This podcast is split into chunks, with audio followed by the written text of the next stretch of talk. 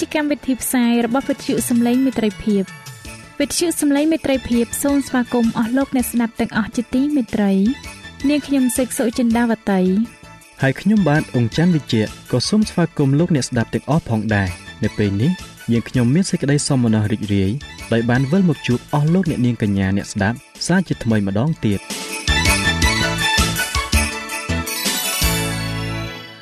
នាងខ្ញុំសេកសុចិន្តាវតី សូមជម្រាបជូនកម្មវិធីផ្សាយដែលមានជាបន្តបន្ទាប់ដូចតទៅ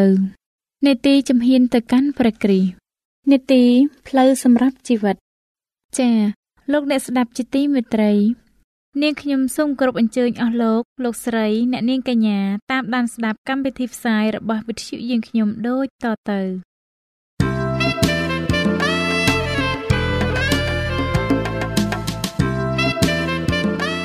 នីតិជំហានទៅកាន់ព្រះគ្រីស្ទ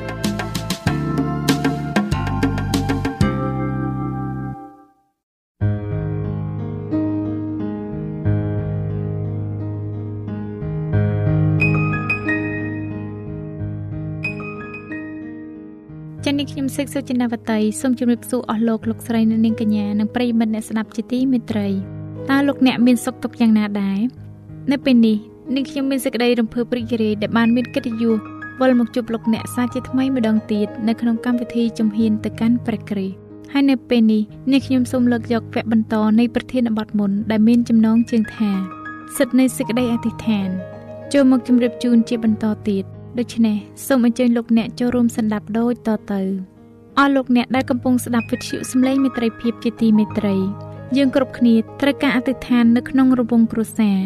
ហើយយើងក៏មិនត្រូវបំភ្លេចការអធិដ្ឋានដោយផ្ទាល់ខ្លួននោះឡើយព្រោះនេះហើយជាអាយុជីវិតនៃព្រលឹងវិញ្ញាណរបស់យើងព្រលឹងវិញ្ញាណរបស់យើងមិនអាចរីកចម្រើនបានល្អដោយគ្មានការអធិដ្ឋាននោះឡើយការអធិដ្ឋាននៅក្នុងគ្រួសារឬនៅទីសាធារណៈក៏មិនទាន់គ្រប់គ្រាន់នៅឡើយទេ នៅឯកន្លែងដែលស្ងាត់អាចកំបាំងដាច់ពីគេឬដែលយើងហៅថាការអធិដ្ឋានដោយផ្ទាល់ខ្លួនដូចនេះសូមឲ្យលោកអ្នក បើកចំហនៅព្រលឹងវិញ្ញាណរបស់លោកអ្នកនៅចំពោះព្រះនេតព្រះជាម្ចាស់មានតែព្រះជាម្ចាស់ប៉ុណ្ណោះដែលលឺនៅការអធិដ្ឋានដ៏សម្ងាត់នេះហើយមិនមានត្រចៀកឯណាដែលចង់លឺសំណុំពរដ៏ទទូចទាំងនេះ ដែលជាបន្ទុកនោះឡើយនៅក្នុងការអធិដ្ឋានសម្ងាត់ព្រលឹងរបស់អ្នកនឹងដាច់ទំនេរពីឥទ្ធិពលដែលនៅជុំវិញខ្លួនរួចចេញពីសេចក្តីរំជើបរំជួលនៃអារម្មណ៍ដោយស្ងប់ស្ងាត់តែប្រកបដោយភាពឃ្លាវខ្លា ការអធិដ្ឋាននោះគឺបានលើដល់ព្រះជាម្ចាស់អ្នកណាដែលទ្រង់ឃើញនៅក្នុងទីអាត់កំបាំងដែលបានទទួលអធិពលដ៏ផ្អែមល្ហែមនឹងនិតនៅជាប់នឹងទ្រង់ដែលប្រការរបស់ទ្រង់បើកចំហផ្ទៀងស្ដាប់ការអធិដ្ឋានណាដែលចេញពីទឹកចិត្តដ៏ពិតប្រាកដដោយក្តីជំនឿ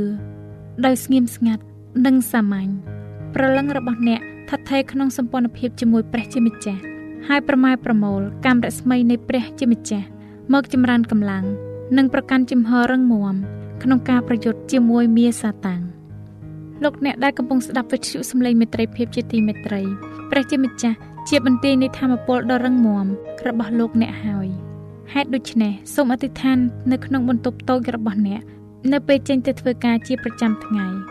សូមឲ្យលោកអ្នកបានលើកចិត្តរបស់អ្នកថ្វាយទៅព្រះជាម្ចាស់ តើលោកអ្នកមាននៅចាំពីលោកអេណុកដើរជាមួយព្រះដែរឬទេគឺលោកបានធ្វើយ៉ាងនេះជារៀងរាល់ថ្ងៃអស់លោកអ្នកជាទីមេត្រី ការអធិដ្ឋានស្ងៀមស្ងាត់ទាំងនេះ បានបង្ហាឡើង ដែលប្រៀបដូចជា គ្រឿងក្រអូបដ៏មានតម្លៃនៅចំពោះបាឡាំងនៃព្រះគុណរបស់ព្រះជាម្ចាស់ជាពិសេសទៅទៀតនោះគឺមាសតាំងมันអាចមានជ័យជំនះទៅលើអ្នកដែលមានចិត្តស្ថិតថេរនៅជាប់នឹងព្រះជាម្ចាស់បាននោះឡើយ។ អស់លោកអ្នកជាទីមេត្រីគ្មានពេលវេលាណា ឬទីកន្លែងណា ដែលមិនស័កសមនឹងថ្វាយនៅសំណុំពរទៅព្រះជាម្ចាស់ឡើយហើយក៏គ្មានអ្វីដែលអាចខាត់ខាំងយើងពីការលើកកាយថ្វាយចិត្តទៅព្រះជាម្ចាស់នៅក្នុងព្រះវិញ្ញាណនៃការអធិដ្ឋានយ៉ាងស្មោះស្ម័គ្រអស់ពីដួងចិត្តនោះឡើយបន្ទប់ដ៏តូចសម្រាប់ទំនាក់ទំនងអារម្មណ៍ជាមួយព្រះជាម្ចាស់ពិតជាមានទោះជាយើងនៅកន្លែងណាក៏ដោយ យើងត្រូវតែបើកចំហទ្វារចិត្តរបស់យើង ជាដរាបនិងយាងព្រះយេស៊ូវដូចជាភ្ញៀវកិត្តិយសនៃនគរស្ថានសួគ៌ឲ្យមកគង់នៅក្នុងវិញ្ញាណរបស់យើងទោះបីជាមានបរិយាកាសពោពេញដោយភាពទុច្ចរិតនិងពុករលួយនៅជុំវិញខ្លួន យើងក៏ដោយយើងមិនត្រូវស្រូបយកផ្សែងពុលពីបរិយាកាសនោះឡើយគឺបានន័យថាសូមកុំឲ្យអធិពលរបស់វាមកគ្របលើអ្នកតែផ្ទុយទៅវិញ ត្រូវស្រូបយកខ្យល់បរិសុទ្ធនៃស្ថានសួគ៌ទើបជាការប្រប្រៃបំផុត យើងអាចបិទបាំងគ្រប់ទ្វារនៃការស្រមៃគិត ដែលមិនស្អាតស្អំនិងគំនិតមិនបរិសុទ្ធដោយការលើកថ្វាយវិញ្ញាណទៅចំពោះព្រះជាម្ចាស់តាមរយៈការអធិដ្ឋានដ៏ស្មោះត្រង់អ្នកណាដែលមានចិត្តបើកចំហចាំទទួលជំនួយ និងព្រះពរពីព្រះជាម្ចាស់នឹងដើរក្នុងបរិយាកាសដ៏បរិសុទ្ធជាជាងបរិយាកាសផែនដី ហើយនឹងមានការរួមសម្ព័ន្ធជាប់ ជាប្រចាំជាមួយនឹងស្ថានសួគ៌អស់លោកអ្នកនាងដែលកំពុងស្ដាប់វិទ្យុសំឡេងមេត្រីភាពជាទីមេត្រី យើងត្រូវតែមានទស្សនៈឲ្យបានច្បាស់លាស់អំពីព្រះគ្រីស្ទនិងការយល់ឲ្យបានទូលំទូលាយឡើង នៅតម្លៃនៃសភាពការពិតដែលស្ថិតនៅអកលសម្ផស្សនៃភាពបរិសុទ្ធនិងបំពេញអស់ទាំងចិត្តនៃកូនស្ងួនភ្ងារបស់ព្រះជាម្ចាស់ហើយបើអំពើនេះបានបំពេញសពគ្រប់ហើយ យើងគួរតែស្វែងរកនៅការបើកសម្ដែងដ៏បរិសុទ្ធអំពីព្រះ នៅគ្រប់របស់នៃនគរស្ថានសួគ៌ចូលឲ្យវិញ្ញាណយើងបានលើកឡើង ដើម្បីឲ្យព្រះជាម្ចាស់ប្រទានឲ្យយើងនៅដង្ហើម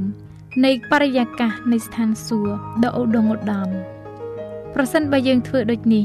នោះយើងអាចរស់នៅយ៉ាងចិត្តនឹងព្រះជាម្ចាស់ទោះជានៅពេលដែលមានសេចក្តីលបងលបងកើតឡើងដោយចៃដន្យក្តី នោះក៏ចិត្តរបស់យើងនឹងងាកបែរទៅរកព្រះជាម្ចាស់ដោយនៅក្នុងធម្មជាតិដែលបុផាតែងតែបែរទៅរកព្រះអាទិត្យដូចនេះដែរអស់លោកអ្នកជាទីមេត្រី ចូលលើកថ្វាយគ្រប់ទាំងការប្រាថ្នារបស់អ្នក អំណររបស់អ្នកសេចក្តីទុក្ខសោករបស់អ្នកសេចក្តីកង្វល់របស់អ្នកនិងការភ័យខ្លាចរបស់អ្នកទៅឲ្យព្រះជាម្ចាស់ចុះសូមលោកអ្នកយល់ថា ការដែលធ្វើយ៉ាងនេះ នោះមិនជាបន្ទុកដល់ព្រះឡើយ ហើយទ្រង់ក៏មិនដែលនឿយណាយនឹងយើងដែរព្រះជាម្ចាស់ដែលទ្រង់ដឹងចំនួនសរសៃសក់នៅលើក្បាលរបស់អ្នកទាំងអស់ទ្រង់ពិតជាមិនប្រងើយកន្តើយនិងបំណងប្រាថ្នារបស់កូនចៅនៃទ្រង់ឡើយនៅក្នុងព្រះគម្ពីរយ៉ាកុបជំពូក5ខ11បានសម្ដែងថាព្រះជាម្ចាស់ទ្រង់មានប្រហារតីមេត្តាករុណានិងសេចក្តីអាណិតអាសូរពោពេញអស់លោកអ្នកជាទីមេត្រីព្រះハរតីនៃសេចក្តីស្រឡាញ់របស់ទ្រង់ រំជើបរំជួលដោយទុកសោកនិងដោយការត្អូញត្អែរបស់យើង ដោយថ្លែងដល់ទ្រង់អំពីទុកសោកទាំងឡាយរាប់មិនអស់នោះគឺទ្រង់មានការអាណិតអាសូរដល់មនុស្សគ្រប់គ្រប់គ្នា ហើយទ្រង់មានប្រហារតីចង់ជួយដូចនេះសូមកំបងអង្គទៀតនោះឡើយសូមលោកអ្នកបានថ្វាយទៅទ្រង់នៅគ្រប់អវ័យអវ័យដែលធ្វើឲ្យយើងទាល់គំនិតគ្មានអ្វីដែលធំហួសដែលទ្រង់មិនអាចទ្រាំទ្រទទួលមិនបាននោះឡើយ ព្រោះព្រះអង្គជាអ្នកដែលទ្រទ្រង់ពិភពលោកទាំងមូលទ្រង់គ្រប់គ្រងលើអស់ទាំងបញ្ហាទាំងឡាយនៃលោកសន្តិវិសទាំងមូលនេះ ហើយគ្មានអ្វីដែលតាក់ទងទៅនឹងសន្តិភាពរបស់យើង ហើយដែលមាន ទំហំតូចពេកដែលទ្រង់មិនកត់សម្គាល់នោះឡើយហើយគ្មានទំព័រជីវិតណាមួយរបស់លោកអ្នកដែលលាក់កំបាំងដែលទ្រង់មិនអាចយល់បាននោះឡើយហើយក៏គ្មានការស្មុគស្មាញ ការតល់គំនិតណាមួយ ដែលហួសពីសមត្ថភាពរបស់ទ្រង់ក្នុងការដែលទ្រង់ដោះស្រាយបាននោះដែរគ្មានវិនិស្សកម្មណា ដែលកើតមានដល់កូនចៅ ដែលតូចបំផុតរបស់ទ្រង់ការអន្ទះអន្តែងក្នុងចិត្តការរំខានដល់វិញ្ញាណសម្រែកនៃអំណរឯណាឬការអធិដ្ឋានដ៏ស្មោះត្រង់ដែលហូរចេញពីដួងចិត្តណា ដែលប្រពោបិតានៃនគរស្ថានសួគ៌មិនរមិលមើល ឬដែលទ្រង់មិនយកប្រហារតីទុកដាក់ជាបន្ទាន់នោះឡើយនៅក្នុងព្រះគម្ពីរទំនុកដង្កើងជំពូក147ខ3បានសម្ដែងថាទ្រង់ព្យាបាលអស់អ្នកដែលមានចិត្តសោកសង្រេងឲ្យបានជាក៏រំរបួសឲ្យគេផងអស់លោកអ្នកជាទីមេត្រីទំនាក់ទំនងរវាងព្រះជាម្ចាស់ទៅនឹងបុគ្គលម្នាក់ម្នាក់គឺច្បាស់លាស់និងពេញលេញជាទីបំផុតហាក់បីដូចជាមានតែអ្នកនោះម្នាក់ ហើយគ្មានអ្នកណាទៀតសោះនៅលើផែនដីនេះ ដែលទ្រង់ត្រូវថែរក្សា និងប្រទានព្រះរាជបុត្រារបស់ទ្រង់មកសង្គ្រោះដល់គេព្រះយេស៊ូវមានព្រះបន្ទូលនៅក្នុងព្រះគម្ពីរយ៉ូហានជំពូក15ខ16និងជំពូក15ខ26ដល់ខ27អ្នករាល់គ្នានឹងសូមដៃនៅឈ្មោះខ្ញុំហើយខ្ញុំមិនថាខ្ញុំនឹងទូលអង្វរដល់ព្រះវរបិតាជំនួសអ្នករាល់គ្នា នោះទេត្បិតព្រះវរបិតាទ្រង់ក៏ស្រឡាញ់អ្នករាល់គ្នាដែរ អស់លោកអ្នកជាទីមេត្រីនេះគឺជាការអះអាងយ៉ាងច្បាស់លាស់ណាស់ការអធិដ្ឋាននៅក្នុងព្រះនាមព្រះគ្រីស្ទគឺមិនមែនគ្រាន់តែជាការលើកព្រះនាមទ្រង់នោះនៅគ្រាដំបូងនិងនៅទីបញ្ចប់នៃការអធិដ្ឋាននោះទេតែយើងត្រូវអធិដ្ឋានដោយនៅចិត្តនិងវិញ្ញាណនៃព្រះគ្រីស្ទនៅពេលយើងជឿទុកចិត្តលើព្រះបន្ទូលសន្យារបស់ទ្រង់និងពឹងផ្អែកលើព្រះគុណរបស់ទ្រង់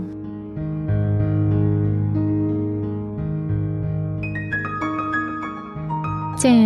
ដោយពេលវេលាមានកំណត់ យើងខ្ញុំសូមផ្អាកនេតិជំហានទៅកាន់ព្រះគ្រីស្ទនេះ ត្រឹមតែប៉ុណ្ណេះសិនចុះដោយសន្យាថា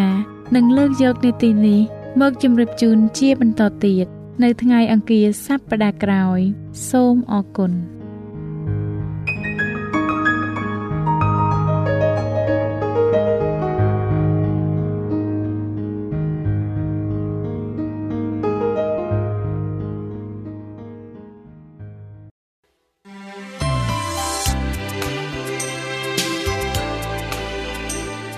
ទ្យុសំឡេងមេត្រីភាព AWR ជាវិទ្យុដែលនាំមកពីក្នុងការនាំព្រះរាជសាររបស់ព្រះជាម្ចាស់សម្រាប់លោកអ្នក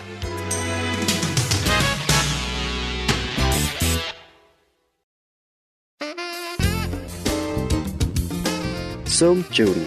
នីតិផ្លូវសម្រាប់ជីវិត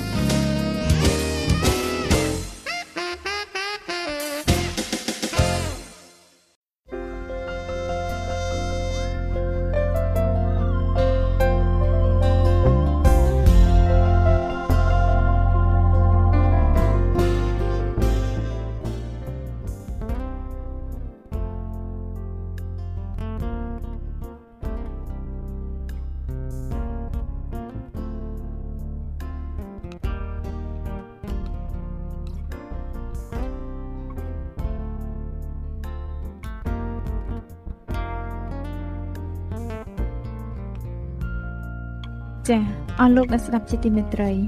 ជាបន្តទៅទៀតនេះនាងខ្ញុំសូមអញ្ជើញលោកអ្នកនាងតាមដានស្ដាប់នេតិផ្លូវសម្រាប់ជីវិត កាលពីមេរៀនទី23លោកអ្នកបានស្ដាប់រួចមកហើយអំពីព្រះវិញ្ញាណបរិសុទ្ធនិងអំពើបាប ដែលព្រះពុំអាចអត់ទោសឲ្យបាន ហើយនៅថ្ងៃនេះលោកអ្នកនឹងបានស្ដាប់មេរៀនថ្មីមួយទៀតដែលមានចំណងជើងថាហេតុអ្វីបានជាយើងត្រូវរួបរวมគ្នាជាក្រុមជំនុំ នៅពេលយើងបានទទួលព្រះយេស៊ូវហើយ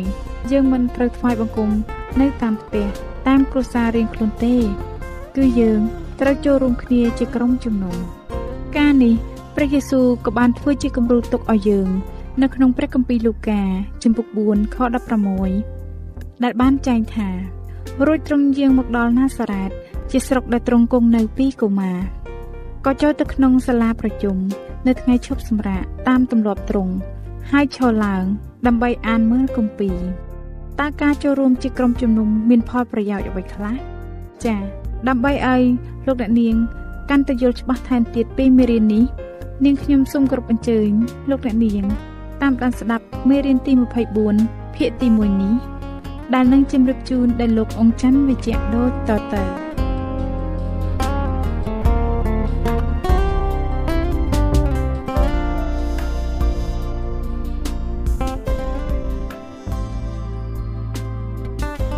នីតិផ្លូវសម្រាប់ជីវិតហេតុអ្វីបានជារួបរวมជាក្រុមជំនុំមនុស្សជាច្រើនណាស់បានឆ្ងល់ថាហេតុអ្វីបានជាគេគួរខ្លាយខ្លួនទៅជាមនុស្សត្រូវតែចូលជាក្រុមជំនុំខ្លះសួរថាព្រះជួយសង្គ្រោះខ្ញុំទេបើខ្ញុំមិនចូលជាក្រុមជំនុំនោះខ្លះមានយោបល់ថា បន្ទាប់ពីចូលជាក្រុមជំនុំហើយតើនឹងនាំយើងឈ្មោះទៅកន្លែងតែមួយឬហើយខ្លះទៀតនៅតែសួរដដែលដដែលថាបើតាមព្រះគម្ពីរ តើវិហារណាមួយដែលជាវិហារពិតរបស់ព្រះទាំងអស់នេះសុទ្ធតែជាបញ្ហាសំខាន់សំខាន់ដែលយើងលើកយកមកពិនិត្យក្នុងមេរៀននេះ ចំណុចទី1ហេតុអ្វីបានជាយើងចូលជាក្រុមជំនុំតើព្រះយេស៊ូវគ្រីស្ទបានបង្ហាញការជាប់តាក់ទងជិតស្និទ្ធដល់ក្រុមជំនុំយ៉ាងណាខ្លះព្រះគម្ពីរអេភេសូតជំពូក5ខ25រហូតដល់ខ27បានសម្ដែងប្រាប់យើងថា ស្វាមីទាំងឡាយអើយចូលស្រឡាញ់ប្រពន្ធរបស់ខ្លួន ឲ្យដូចព្រះគ្រីស្ទស្រឡាញ់ពួកជំនុំហើយបានប្រគល់ព្រះអង្គដល់ព្រះវិហារទ្រង់ដើម្បីឲ្យទ្រង់បានញែកចេញជាបរិសុទ្ធដោយលាងសម្អាតនឹងទឹកគឺព្រះបន្ទូលដើម្បីនឹងថ្វាយគុំជំនុំនេះដល់ព្រះអង្គទុកជាពួកជំនុំដ៏ឧត្តមឥតប្រឡាក់ឥតជ្រួញឬការកខ្វក់ណាមួយទៀតឡើយគឺជាក្រុមជំនុំបរិសុទ្ធឥតកន្លែងបន្ទប់បានឡើយហើយព្រះគម្ពីរហេព្រើរចំពុក2ខ11និងខ12ក៏បានបរិយាយផងដែរថាមនុស្សខ្លះ ពុំរវល់គិតគូរចូលជាក្រុមជំនុំនៃព្រះទេព្រោះគេឃើញមានសមាជិកខ្លះមិនស្មោះត្រង់គឺពលៈពុតនៅក្នុងក្រុមជំនុំប៉ុន្តែព្រះយេស៊ូវនៅជាប់យ៉ាងជិតស្និទ្ធជាមួយក្រុមជំនុំហើយព្រះអង្គមិនមានភាពអៀនខ្មាស់អ្វីនឹងហៅសមាជិកដទៃថាជាបងប្អូនដោយដែលបានចែងទុកនៅក្នុងព្រះគម្ពីរហេព្រើរចំពុក2ខ11និងខ12នោះឡើយទោះបីជាយូដាបានក្បត់នឹងព្រះអង្គសង្គ្រោះដែលនៅក្នុងក្រុមជំនុំក៏ដោយ ក៏ព្រះយេស៊ូវមិនមានភាពអៀនខ្មាស់នឹងរួមរស់នៅជាមួយក្រុមជំនុំនោះទេក្រុមជំនុំនៃព្រះមិនអាចនឹងខាត់មិនឲ្យសមាជិកខូចណាចូលមកចិត្តនោះឡើយក៏ប៉ុន្តែក្រុមជំនុំព្រះអង្គមិនដែលអនុញ្ញាតឲ្យអ្នកណាបង្រៀនអំពីទ្រឹស្ដីខុសដែរតើក្រុមជំនុំប្រៀបធៀបដូចអ្វីព្រះគម្ពីរកូឡូសជំពូក1ខ8បានប្រាប់យើងថាទ្រង់គឺជាសេរសារបស់រូបកាយគឺជាពួកជំនុំសេរសាឬខួរក្បាលគឺជាផ្នែកដ៏សំខាន់នៃរាងកាយ ហើយដឹកនាំតម្រែតម្រង់ផ្នែកផ្សេងផ្សេងទៀតលោកសាវកពលបានប្រាប់យើងថាព្រះគ្រីស្ទជាសេរសានៃរូបកាយគឺជាពួកជំនុំព្រះគម្ពីរអេពីសូតជំពូក4ខ15និងខ16បានសរសេរកត់ត្រាពីប្រសាសន៍របស់លោកពលដែលនិយាយទៅនឹងក្រុមជំនុំថាដោយការតាមសេចក្តីពិតដោយសេចក្តីស្រឡាញ់នោះយើងនឹងត្រូវចម្រើនធំធាត់ឡើងគ្រប់កិច្ចការទាំងអស់ក្នុងព្រះអង្គគឺព្រះសេរសាហើយរូបកាយទាំងមូល បានផ្គុំនឹងភ្ជាប់គ្នាមកអំពីព្រះដោយសារគ្រប់សន្លាក់ទាំងអស់ដែលបានផ្គត់ផ្គង់ហើយកាលដែលគ្រប់ផ្នែកទាំងអស់នៃរូបកាយបានបំពេញការងារបានល្អនោះបានធ្វើឲ្យរូបកាយរីកធំធាត់ឡើងហើយចាក់គ្រឹះក្នុងសេចក្តីស្រឡាញ់ក្រុមជំនុំគឺប្រៀបបាននឹងរូបកាយនៃមនុស្សគ្រប់ផ្នែកទាំងអស់នៃរូបកាយមិនដូចគ្នាសុទ្ធសាធនោះទេប៉ុន្តែគ្រប់ផ្នែកទាំងអស់សុទ្ធតែសំខាន់ហើយត្រូវធ្វើការរួមគ្នា ហើយស៊ីសង្វាក់គ្នាផងដែរ ព្រះគម្ពីរកូរិនថូសទី1ចំពោះ12ខ12ខ14និងខ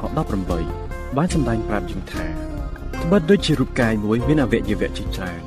តែអវយវៈទាំងនោះមានច្រើនក៏ពិតគង់តែរួមគ្នាមកតែមួយទេនោះព្រះគ្រីស្ទក៏ដូច្នោះដែររូបកាយមិនមែនសុទ្ធតែមានអវយវៈតែមួយទេ គឺមានច្រើនវិញបើសិនជាយើងនិយាយថាអញមិនមែនជារបស់ផងរូបកាយទេពីព្រោះអញមិនមែនជាដៃ នោះតើមិនមែនជារបស់រូបកាយដែលហេតុផលតែប៉ុណ្ណោះទេឬអ្វី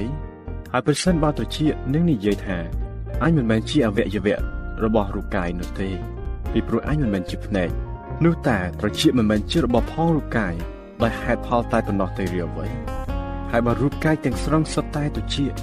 នោះតើនឹងដឹងខ្លាំងបានយ៉ាងដូចម្ដេច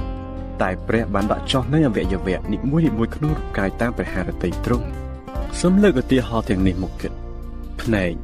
កាលបបែកចេញពីរូបកាយហើយពុំអាចមើលឃើញឡើយដៃមួយវាមានប្រយោជន៍លុះត្រាណាតែវានៅជាប់នឹងរូបកាយតើអ្នកគិតយ៉ាងណាទៅវិញបើសិនជាដៃមួយនិយាយថាខ្ញុំមានគំនិតថាខ្ញុំជាដៃដែលល្អដោយខ្លួនឯងទោះជាត្រូវជាប់ទៅនឹងរូបកាយក៏ដោយតើអ្នកបានគិតថាមានតម្លៃអ្វីមួយទេតែដៃត្រូវនៅជាប់នឹងរូបកាយនោះឬតើអ្នកនិយាយថាដូចម្ដេចទៅរឿងនេះជាការពិតណាស់ដៃគ្មានតម្លៃអ្វី បែកចេញពីរូបកាយនោះមែនទេប៉ុន្តែមានមនុស្សជាច្រើនបានស្រមៃថាគេអាចនឹងទៅជាអ្នកគ្រីស្ទានដ៏ល្អដោយខ្លួនឯងបានដោយមិនចាំបាច់ភ្ជាប់ទៅនឹងក្រុមជំនុំឡើយលោកសាវកពលនិយាយថាអវយវៈទាំងអស់នៃរូបកាយត្រូវតភ្ជាប់ជាមួយគ្នាព្រះយេស៊ូវបានបង្រៀននៅសេចក្តីពិតតែមួយដូចគ្នាសំបីតែក្នុងភាសាលំបាកក្តីតែទ្រង់មានបន្ទូលតាមរយៈព្រះគម្ពីរយូហានចំពុក15ខ5និងខ6ថាខ្ញុំជាគុលអ្នករាល់គ្នាជាខ្នែង អ្នកណាដែលនៅជាប់នឹងខ្ញុំហើយខ្ញុំនៅជាប់នឹងអ្នកនោះនោះទើបអាចបង្កើតផលបានច្រើនបើបើដាច់ពីខ្ញុំនោះអ្នករាល់គ្នាពុំអាចធ្វើអ្វីបានឡើយបើអ្នកណាមិននៅជាប់នឹងខ្ញុំ អ្នកនោះត្រូវបោះចោលទៅខាងក្រៅ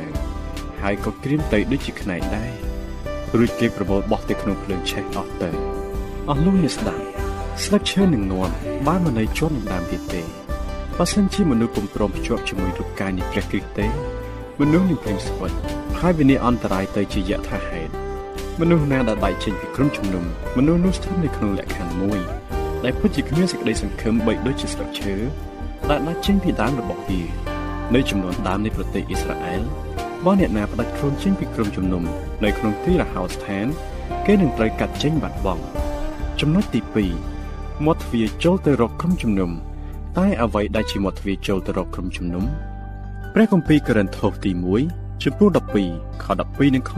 13បានសម្ដែងប្រាប់ថាត្បិតដូចជារូបកាយតែមួយមានអវយវៈច្រើនតែអវយវៈទាំងនោះទោះមានច្រើនក្តីក៏គង់តែរួមគ្នាជារូបតែមួយនោះព្រះគ្រីស្ទក៏ដូច្នេះដែរពីព្រោះយើងទាំងអស់គ្នាបានធ្វើបុណ្យជ្រមុជទឹកចូលក្នុងរូបកាយតែមួយឥឡូវនេះលោកអ្នកឃើញថាហេតុអ្វីបានជាពិធីបុណ្យជ្រមុជទឹកមានសារៈសំខាន់ម្ល៉េះ គឺជាមាត់ទ្វារចូលទៅរកក្រុមជំនុំពីព្រោះថាវាគឺជាមាត់ទ្វារចូលទៅរកក្រុមជំនុំបានដូច្នេះហើយអ្នកណាមិនយកចិត្តទុកដាក់នឹងពិធីបុណ្យជ្រមុជទឹកនិងមិនយកចិត្តទុកដាក់ក្នុងការរួបរวมជាមួយក្រុមជំនុំនៃព្រះយេស៊ូវនោះទេអ្នកនោះនឹងមិនសុខឡើយមិនដែរឬទេតើអ្វីជាការចាំបាច់ដែលមានជាមួយពិធីបុណ្យជ្រមុជទឹកនោះតើពិធីបុណ្យជ្រមុជទឹកនោះ មានសារៈសំខាន់អ្វីព្រះគម្ពីរកិច្ចការចំពុក2ខ41រហូតដល់ខ47 បានបរិយាយប្រាប់យើងថាដូច្នេះពួកអ្នកទទួលព្រះបន្ទូលហើយក៏បានទទួលបុណ្យជ្រមុជទឹកហើយនៅថ្ងៃដដែលនោះមានប្រហែល3000នាក់បានកើតឡើងថែមទៀតហើយព្រះអង្គម្ចាស់បានបន្ថែមនៅអស់អ្នកដែលកំពុងបានសង្គ្រោះជារៀងរាល់ថ្ងៃទៅក្នុងពួកជំនុំថែមទៀតពិតណាស់ព្រះអង្គម្ចាស់មិនត្រឹមតែប្រាប់ពួកគេឲ្យធ្វើពិធីបុណ្យជ្រមុជទឹកតែម្យ៉ាងនោះទេឃើញថាការចូលរួបរวมជាសមាជិកក្រុមជំនុំមានសារៈសំខាន់ដល់ម្ល៉េះបានជាយើងមិនត្រូវធ្វើប្រហែស នឹងពិធីបុណ្យជ្រមុជទឹកព្រមទាំងចូលរួមជាមួយក្រុមជំនុំសោះឡើយតើព្រះយេស៊ូវមានព្រះបន្ទូលយ៉ាងច្បាស់អ្វីខ្លះទៅអ្នកមិនព្រមចូលរួបរวมជាមួយនឹងព្រះអង្គអ្នកណាដែលមិននៅខាងខ្ញុំនោះប្រឆាំងនឹងខ្ញុំព្រះយេស៊ូវមានបន្ទូលតាមរយៈព្រះគម្ពីរម៉ាថាយជំពូក12ខ30ថាអ្នកណាដែលមិននៅជាប់ខាងខ្ញុំនោះប្រឆាំងនឹងខ្ញុំហើយអ្នកណាមិនប្រមូលខាងខ្ញុំត្រូវកម្ចាត់កម្ចាយទៅវិញភរិយារបស់ទាហានម្នាក់និយាយថា ខ្ញុំយល់ឃើញថាពិធីបន់ជាមួយទឹកមានសារៈសំខាន់ណាស់ប៉ុន្តែខ្ញុំដូចជាមិនចង់ចូលរួមជាមួយនឹងក្រុមជំនុំខ្ញុំមិនសុចរិតដូចជាអ្នកគ្រីស្ទានម្នាក់ដោយខ្លួនខ្ញុំបានដែរលោកគ្រូគង្វាលបានឆ្លើយថាប្តីរបស់នាងនៅក្នុងជួរកងទ័ពឧបមាថាទាហានម្នាក់និយាយថាអូខ្ញុំជឿយ៉ាងច្បាស់ថាខ្ញុំក៏ជាទាហានល្អម្នាក់ដែរមើលចុះខ្ញុំមានតាំងពីឯសន្តានមានស្បែកជើងមានកាប់ភ្លើងលាក់នឹងលាក់ក៏ប៉ុន្តែខ្ញុំមិនចង់ចូលរួមជាមួយកងទ័ពទេ ពិតណាស់បើសិនជាអ្នកនោះជាទាហានដ៏ល្អហើយស្មោះត្រង់នោះអ្នកនោះនឹងសង្ឃឹមថាចូលរួមជាកងទ័ពហើយលោកគ្រូគង្វាលបានបន្តទៀតថាតាមពិតទៅបើអ្នកណាស្ថិតនៅជាអ្នកគ្រីស្ទានដ៏ត្រឹមត្រូវអ្នកនោះនឹងបានចូលរួមជាកងទ័ពនៃព្រះគ្រីស្ទហើយសម្រាប់ព្រះយេស៊ូវទាំងស្រុងឬមួយយើងប្រឆាំងនឹងព្រះអង្គអ្នកណាដែលមិនព្រមចូលរួមជាក្រុមជំនុំជារូបកាយព្រះយេស៊ូវឈ្មោះថាប្រឆាំងនឹងទ្រង់ហើយតែក្រុមជំនុំព្រះគ្រីស្ទ បន្តធ្វើការទៅទៀតក្នុងរយៈពេលយូរប៉ុណ្ណាព្រះគម្ពីរអេភេសូតចំពោះ3ខ21បានសម្ដែងប្រាប់យើងយ៉ាងច្បាស់ថាសូមឲ្យទ្រង់បានសេរីល្អដោយសារព្រះយេស៊ូវគ្រីស្ទរហូតដល់គ្រប់ដំណរមនុស្សនៅពេលអស់កលជានិច្ចរៀងដល់រាប់ទៅតើមានភាសាណាឲ្យច្បាស់ជាងនេះទៅទៀតទេ សាវកពលបាននិយាយថាព្រះយេស៊ូវនឹងបន្តការជួយសង្គ្រោះមនុស្ស ហើយទ្រង់នឹងបង្ហាញពីសេរីល្អរបស់ទ្រង់ក្នុងក្រុមជំនុំរហូតដល់លោកនេះបាត់ទៅបើលោកអ្នកមិនទាន់បានចូលជាក្រុមជំនុំនៅឡើយលោកអ្នកគួរតែរៀបចំខ្លួនឲ្យបានរួចជាស្រេចទៅ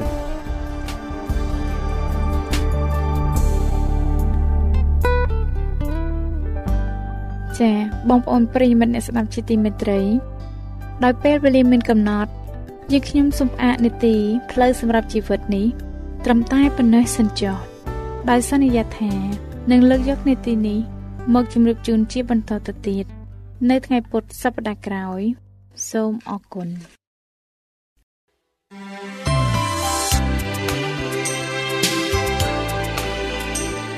វិទ្យុសំឡេងមេត្រីភាព AWR មានផ្សាយពីរដងក្នុងមួយថ្ងៃ គឺព្រឹកនៅម៉ោង6និងពេលយប់នៅម៉ោង8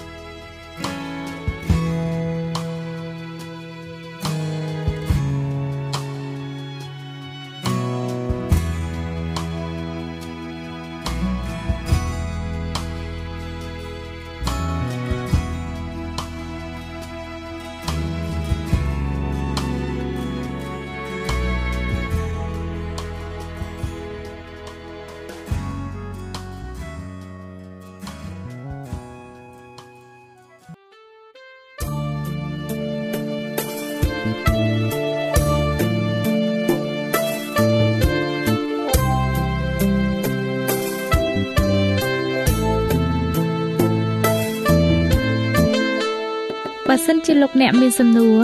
ឬសំណុំពរអ្វីសូមតាក់ទងមកការិយាល័យវិទ្យុយើងខ្ញុំ តាមអាស័យដ្ឋានផ្ទះលេខ15ផ្លូវលេខ568សង្កាត់បឹងកក់2ខណ្ឌទួលគោករាជធានីភ្នំពេញលោកអ្នកក៏អាចសរសេរសម្បត្តិផ្ញើមកយើងខ្ញុំ តាមរយៈប្រអប់សម្បត្តិលេខ488ភ្នំពេញឬតាមទូរស័ព្ទលេខ012 34 96 64ឬ097 80 81 060ឬក៏តាមរយៈអ៊ីមែល vol@awr.org យើងខ្ញុំរងចាំទទួលស្វាគមន៍អស់លោកអ្នកនាងដោយក្តីសោមនស្សរីករាយហើយលោកអ្នកក៏អាចស្ដាប់កម្មវិធីនេះឡើងវិញ ដោយចូលទៅកាន់ website របស់វិទ្យុយើងខ្ញុំ តាមរយៈអាស័យដ្ឋាន www.awr.org